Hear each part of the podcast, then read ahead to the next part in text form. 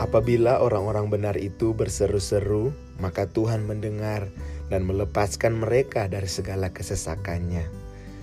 Saat kita capek sama semua aktivitas kita, itulah saat yang paling tepat untuk kita berdoa, pujian, penyembahan, karena Tuhan akan memberikan kita kesegaran.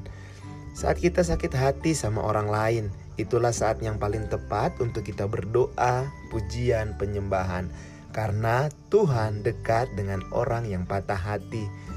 Saat kita marah sama orang lain atau marah sama keadaan kita sekarang, itulah saat yang paling tepat untuk kita berdoa, pujian, penyembahan, karena Tuhan yang sanggup memberikan kita damai sejahtera.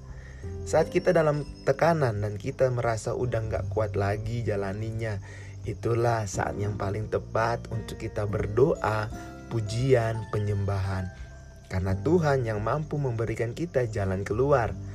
Saat kita jatuh lagi, jatuh lagi, dan jatuh lagi dalam dosa, itulah saat yang paling tepat untuk kita doa, pujian, penyembahan, karena cuma Tuhan yang bisa ngampunin dan ubahkan kita.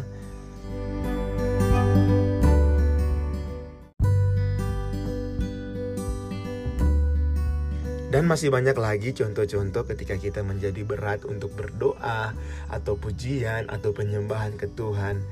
Justru dalam keadaan yang berat seperti itu adalah waktu yang tepat untuk kita datang kepada Tuhan.